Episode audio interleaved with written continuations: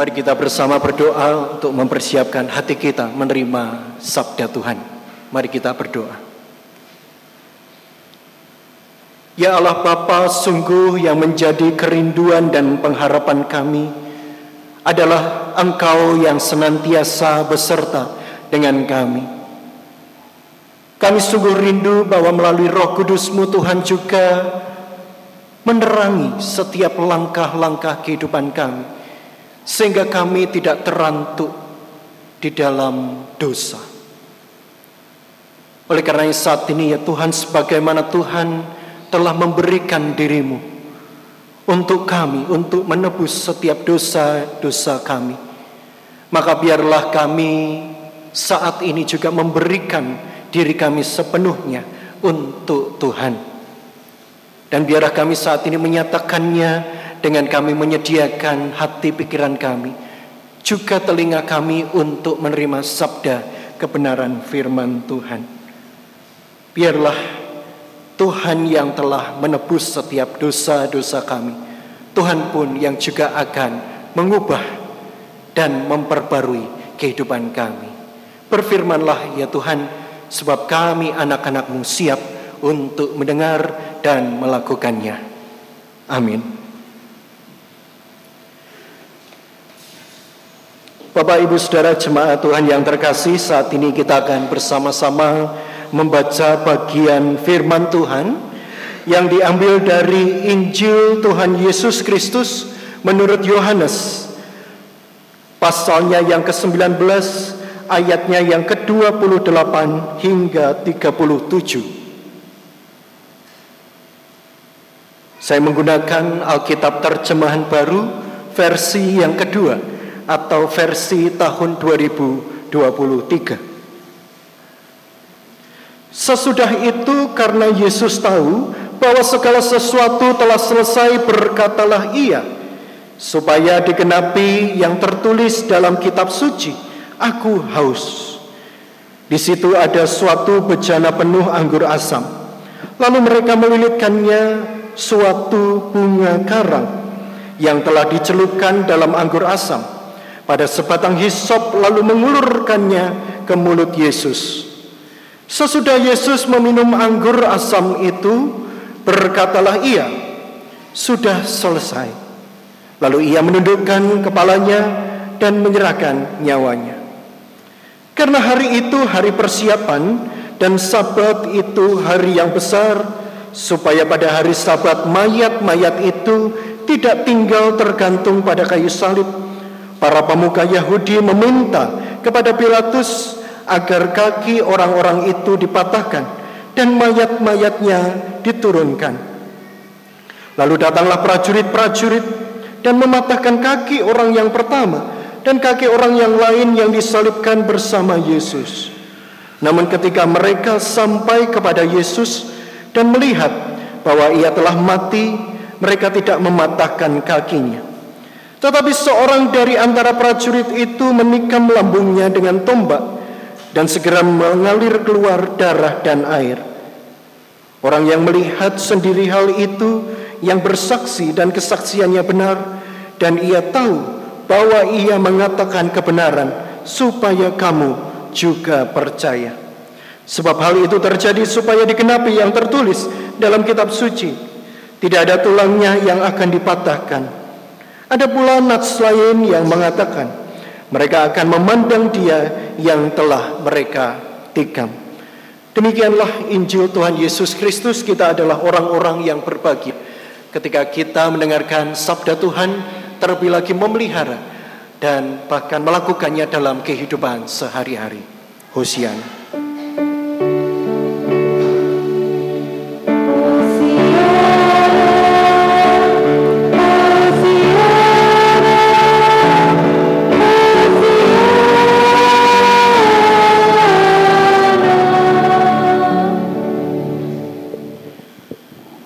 Jemaat yang terkasih dalam nama Tuhan di dalam perenungan Jumat Agung ini ada satu pertanyaan yang saya ingin kita bersama pergumulkan.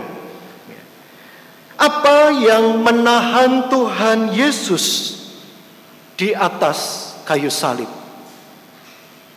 Apa yang menahan Tuhan Yesus mengalami berbagai penderitaan di atas kayu salib yang tidak terkira penderitaannya itu.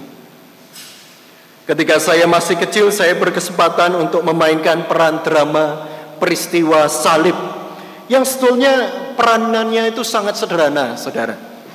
Ketika peranan yang lebih besar kala itu masih diemban oleh kakak-kakak pemuda dan juga orang yang lebih dewasa yang jadi Yesus, yang jadi prajurit itu orang yang lebih dewasa. Kami yang lebih kecil, yang masih kecil, jadi penonton peristiwa salib. Kami duduk di sekitar dan bahkan di bawah salib, saudara. Dan seketika itu pertanyaan ini sudah mulai muncul. Mengapa penderitaan, mengapa salib, mengapa kematian itu menjadi pilihan Allah untuk menyatakan karya keselamatannya. Mengapa tidak ada cara atau bentuk yang lain? Dan apa yang membuat Yesus mengalami dan bertahan ber, dari berbagai penderitaan memanggul salib sampai pada akhirnya itu, saudara. Saya yakin setiap kita yang percaya pasti pernah menanyakan hal ini. Dan kita punya ragam jawaban akan pertanyaan ini, saudara. Namun satu hal, satu jawaban yang pasti bagi kita. Sebagaimana syair yang pernah diungkapkan di dalam nyanyian Gedung Baru. Ya, 85. Ada yang tahu saudara? Mengapa Yesus turun dari surga Masuk dunia gelap penuh celah Berdoa dan bergumul dalam taman Cawan pahit pun diterimanya Apa Bapak Ibu? Mengapa Yesus menderita di dera Dan mahkota duri pun dipakainya? Mengapa Yesus mati bagi saya? Kasihnya ya karena kasihnya bukan paku yang menahan dia di atas kayu salib saudara tetapi kasihnya kepada kita Yesus menderita bahkan mengalami kematiannya di atas kayu salib hanya untuk menunjukkan satu hal yaitu betapa dia mengasihi dunia yang berdosa. Tetapi makna iman ini saudara memang tidak selalu dapat dipahami dan diterima banyak orang. Pemaknaan salib ini saudara hanya berlaku dan diterima oleh sebagian orang saja.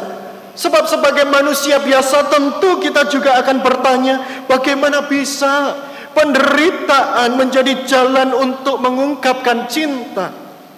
Bahkan menjadi keselamatan bagi umat manusia. Bagaimana bisa kematian melahirkan kemuliaan? Bagaimana bisa salib yang adalah lambang kehinaan itu justru menjadi lambang keagungan Allah? Saudara kita memahami realitas kematian, banyak orang menghindarinya. Sebab bagi dunia peristiwa kematian itu akan melahirkan duka cita yang mendalam, kesedihan dan bahkan perasaan kehilangan, Saudara. Bahkan mungkin kita juga akan mengalami satu pukulan batin yang berat karena peristiwa kematian itu. Oleh karenanya banyak orang tidak menginginkan kematian. Barangkali sekarang banyak gerakan hidup sehat, saudara. Ya. Dan bahkan mungkin gerakan-gerakan yang lain. Ya. Misalnya gerakan anti penuaan atau anti aging Entah itu dengan cara berolahraga, dengan cara mengonsumsi makanan atau vitamin tertentu, tentu itu baik, saudara.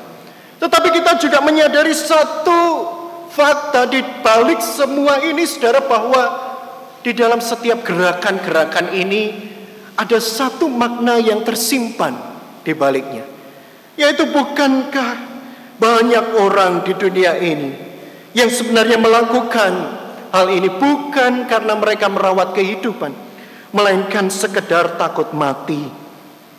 Namun di dalam iman kita justru dikatakan sebaliknya. Realitas kematian dimaknai secara berbeda oleh Allah, bahkan digunakan, dipakai sebagai jalan keagungan. Keagungan itu berarti mengandung sesuatu yang mulia, yang suci, yang bernilai kekal, saudara, yang tidak akan tergantikan oleh apa pun. Nah, pertanyaannya di manakah letak keagungan salib Kristus itu, saudara? Karena kita pun juga mengetahui bahwa eksekusi salib merupakan satu hukuman yang hina dan menyakitkan khususnya bagi mereka yang mengalami hukuman tersebut. Sehingga dalam konteks tersebut saudara seharusnya salib itu merupakan tragedi. Karena barang siapa yang mati dengan cara salib, maka dia akan mati dengan cara yang tidak biasa dia akan mati dengan cara yang sangat tragis. Kematiannya tidak akan mempunyai nilai, saudara. Dia tidak akan dihormati, dihargai.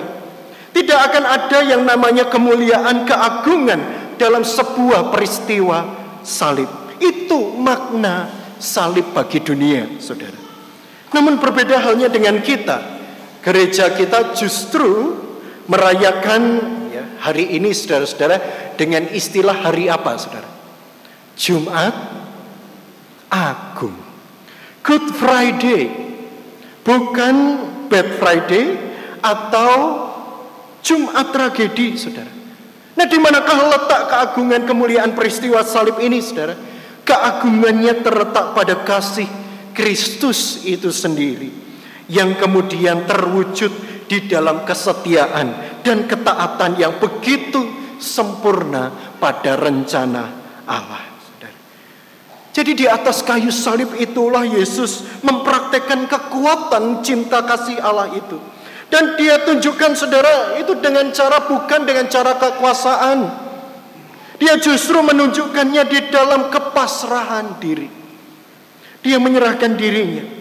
Yesus bukan menjadi korban dari kebrutalan manusia. Yesus bukan menjadi korban dari kekejaman manusia, tetapi Yesus menjadi kurban.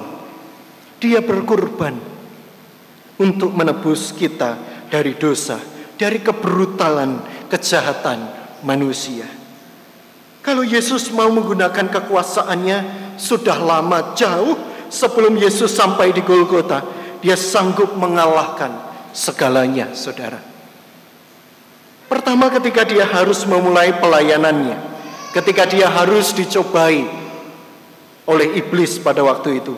Dia menjalaninya dengan ketaatan saudara. Karena apa? Karena kasihnya kepada Bapa dan juga kepada manusia. Dan kalau kita perhatikan ketika Yesus harus menderita, dicela, didera, dihina, bahkan sampai disalibkan dengan tidak berdaya. Ternyata manusia juga masih saja gagal memahami bahwa itu adalah bentuk cinta kasihnya bagi dunia. Manusia lebih mementingkan dirinya, memandang dirinya sendiri sehingga tidak mengindahkan apa yang istimewa yang sebenarnya diberikan oleh Yesus itu, Saudara. Itulah sebabnya ketika Yesus menjalani semua penderitaannya, bahkan sampai pada kematiannya, masih banyak orang yang mengolok-ngolok dan bahkan hingga hari ini saudara-saudara banyak orang yang masih menggugat Yesus bahwa Yesus bukanlah Tuhan. Kita melihat bagaimana prajurit mengolok-ngolok Tuhan Yesus di dalam Lukas 23 ayat 37. Jika kamu raja orang Yahudi selamatkanlah dirimu. Kekuasaan saudara. Kalau engkau adalah raja, maka pakai dong kekuatanmu, kekuasaanmu untuk menyelamatkanmu. Atau juga ketika di dalam Lukas 23 ayatnya yang 39 saudara.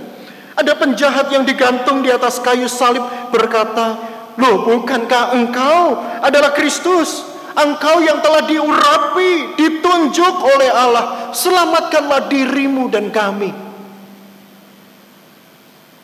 Ini pernyataan yang tidak tahu diri saudara.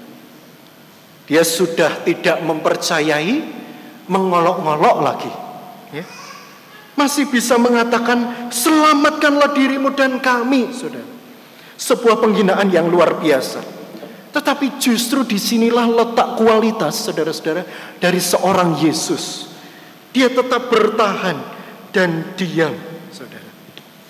Apa yang membuat Yesus bertahan ketika dihakimi? Dianiaya, dihina, Mengapa dia seperti yang dikatakan Yesaya seperti anak domba yang dibawa ke tempat pembantaian. Begitu lemah tidak berdaya lidahnya keluh, kuasanya sia-sia, teriakannya begitu pilu di atas kayu salib, Saudara. Sehingga dia mengatakan, "Eloi, Eloi, lama sabatani." Allahku, Allahku, mengapa engkau meninggalkan aku? Di sinilah letak kualitas dari Yesus, Saudara. Bayangkan ketika perjalanan Yesus sudah begitu apik, pelayanan Yesus sudah begitu apik, tapi ketika dia ada di atas kayu salib, dia mengumpat Allah. Maka yang terjadi adalah sebuah kesia-siaan. Seluruh pelayanannya, seluruh pengabdiannya, seluruh pengajaran yang ia berikan maka tidak akan berarti lagi. Ketika bayangkan Bapak Ibu Saudara menjadi sosok Yesus, Mungkin kita sudah lama mengumpat Allah. Bahkan di titik sebagaimana yang dialami oleh Yesus, saudara. Mungkin kita akan mengatakan, Tuhan, Tuhan mengapa engkau melakukan ini semua? Sungguh Tuhan kau tidak peduli. Bukankah itu yang sering kali kita katakan ketika penderitaan yang berat menghujam dalam kehidupan kita kita kemudian dengan ringan mengatakan, di manakah Tuhan Allah? Dan Yesus menunjukkan satu hal yang luar biasa kepada kita. Ya. Mengapa ia bertahan saudara? Hal yang pertama tentu karena Yesus ingin taat sampai akhir. Dia bukan taat sekali-sekali, dia taat sampai akhir. Dia paham betul bahwa Tuhan mengutusnya ke tengah dunia ini untuk membawa selamat berkat bagi manusia. Maka jika aku kemudian melakukan sesuatu yang bertolak belakang dengan kehendak Tuhan, maka hancurlah setiap pengabdian dan pelayananku. Dan hal yang kedua, saudara, tentu ini kita tahu betul ini karena kasihnya kepada kita. Sehingga membuktikan seorang seperti Khalil Gibran ya uh, dengan puisi-puisinya sering kali mengatakan bahwa cinta atau kasih itu punya kekuatan yang luar biasa. Bahkan dia bisa membuat seseorang bertahan begitu rupa sekalipun ada banyak hal yang ditanggung, dipikul. Dan di sinilah kita melihat kasih Kristus, saudara. Bagaimana dia tidak hanya mengatakan kasih itu kepada Allah, tetapi juga kepada manusia. Dan lebih lagi letak keistimewaan dari Yesus ini saudara adalah dia berhasil menaklukkan dirinya sendiri. Yesus berkata ke dalam tanganmu kuserahkan nyawaku. Yesus di dalam kuasanya ia sebenarnya mampu mengalahkan semuanya. Tetapi musuh terbesar adalah di dalam dirinya sendiri. Dia serahkan dirinya untuk menjadi korban selamat. Itulah sebabnya di Taman Getsemani Yesus ini berulang kali berdoa, saudara. Ya Bapa, kalau boleh cawan ini berlalu daripadaku. Yesus punya kuasa untuk itu, saudara. Tetapi dia berkuasa lebih lagi untuk menaklukkan dirinya. Sehingga dia mengatakan bukan apa yang ku kehendaki, melainkan kehendakmu lah ya Tuhan yang terjadi.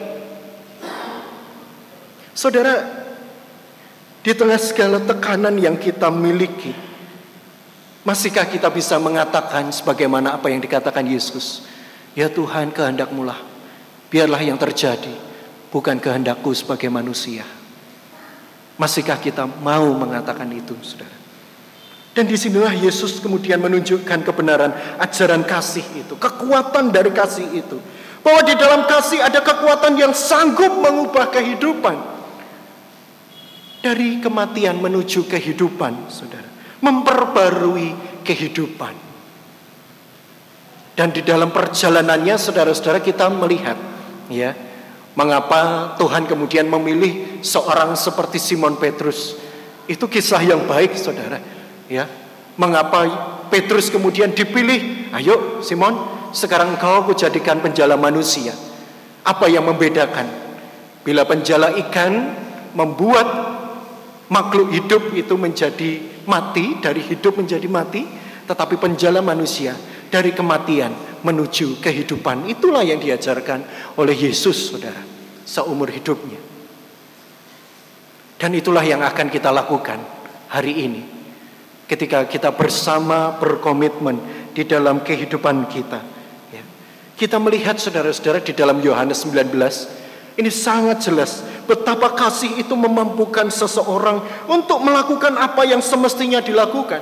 Bahkan kasih itu senantiasa membuat seseorang untuk senantiasa mengingat apa yang menjadi tujuan hidupnya, menolong dia untuk menggenapi kehidupan dan makna hidupnya. Saudara, ini luar biasa sekali kisah penyalipan. Dan apa yang dialami Yesus ini luar biasa penderitaannya. Semalam dia sudah ditangkap, diinterogasi, lalu keesokan harinya, dini hari, bahkan hingga pagi dia disiksa begitu rupa di istana Pilatus dan Herodes. Dia disesah kemudian dipaksa memakai mahkota berduri diseret sampai memikul salib ke Bukit Golgota. Dan kemudian sekitar pukul 9 dia dipakukan di sana. Tangan dan kakinya. Sampai pada akhirnya pukul 3 sore dia mengatakan sudah selesai. Mari kita coba membayangkan ketika menjadi seorang pribadi Yesus.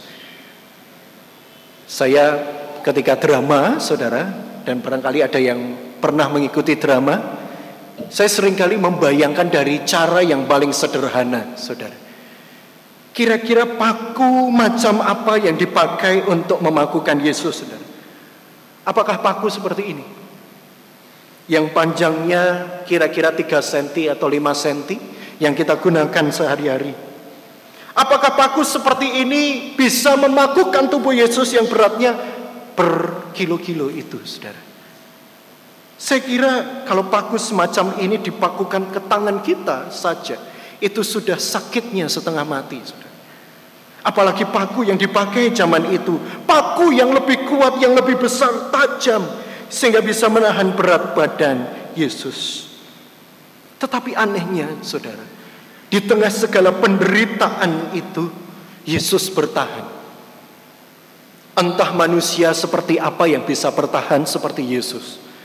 Barangkali kita ketika kita menggantikan pribadi Yesus, kita tidak butuh waktu lama untuk berada di salib, untuk mati saudara.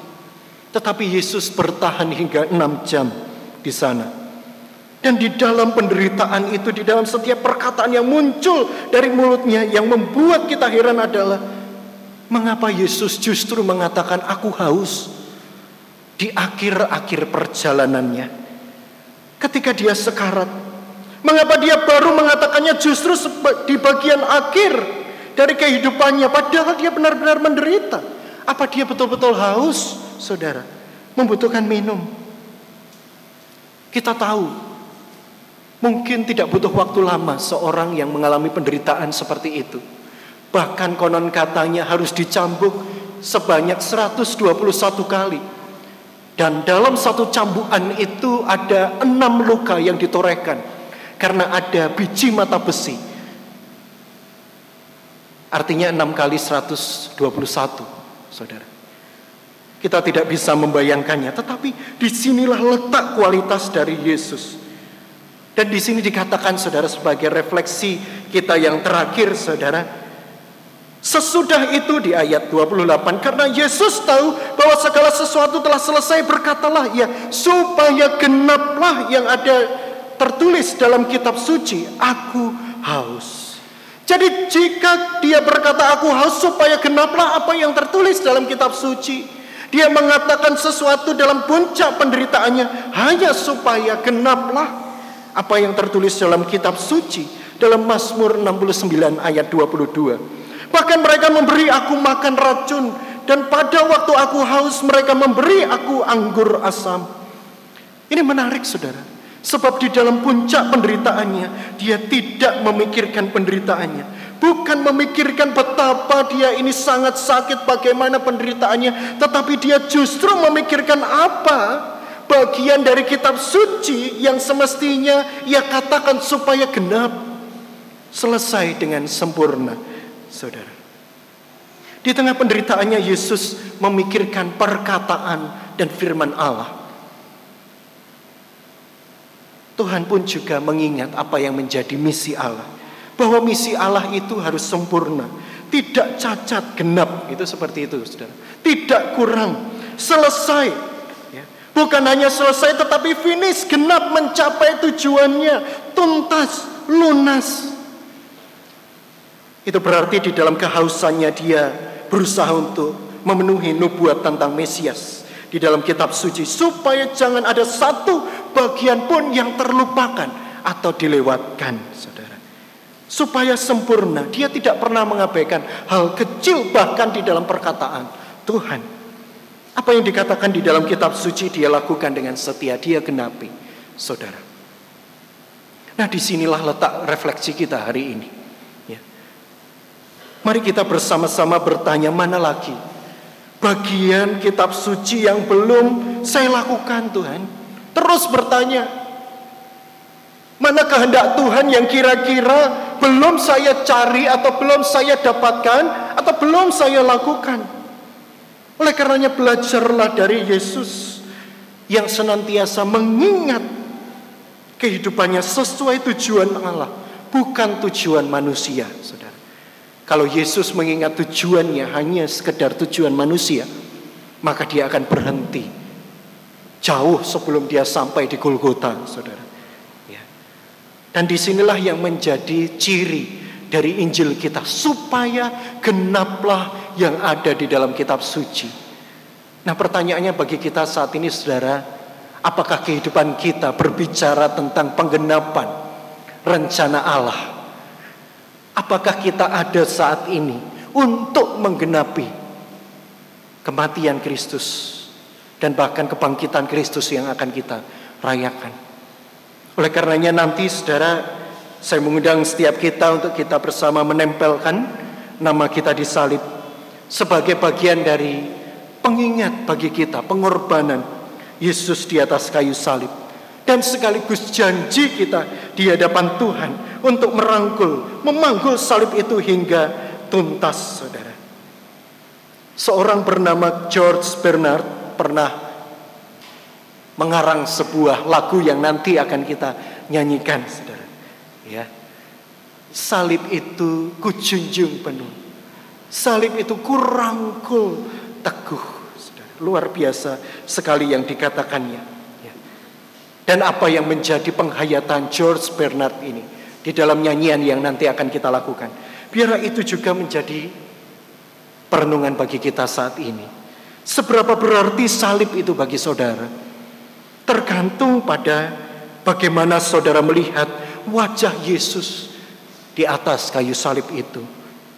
Ketika saudara menemukan wajah yang penuh cinta kasih, wajah yang bersedia menggantikan saudara dan saya menanggung hukuman dosa-dosa itu, maka saya pun percaya sebagaimana George Bernard yang mengarang lagu itu, saudara terus merangkul salib itu sampai ajal menjemput.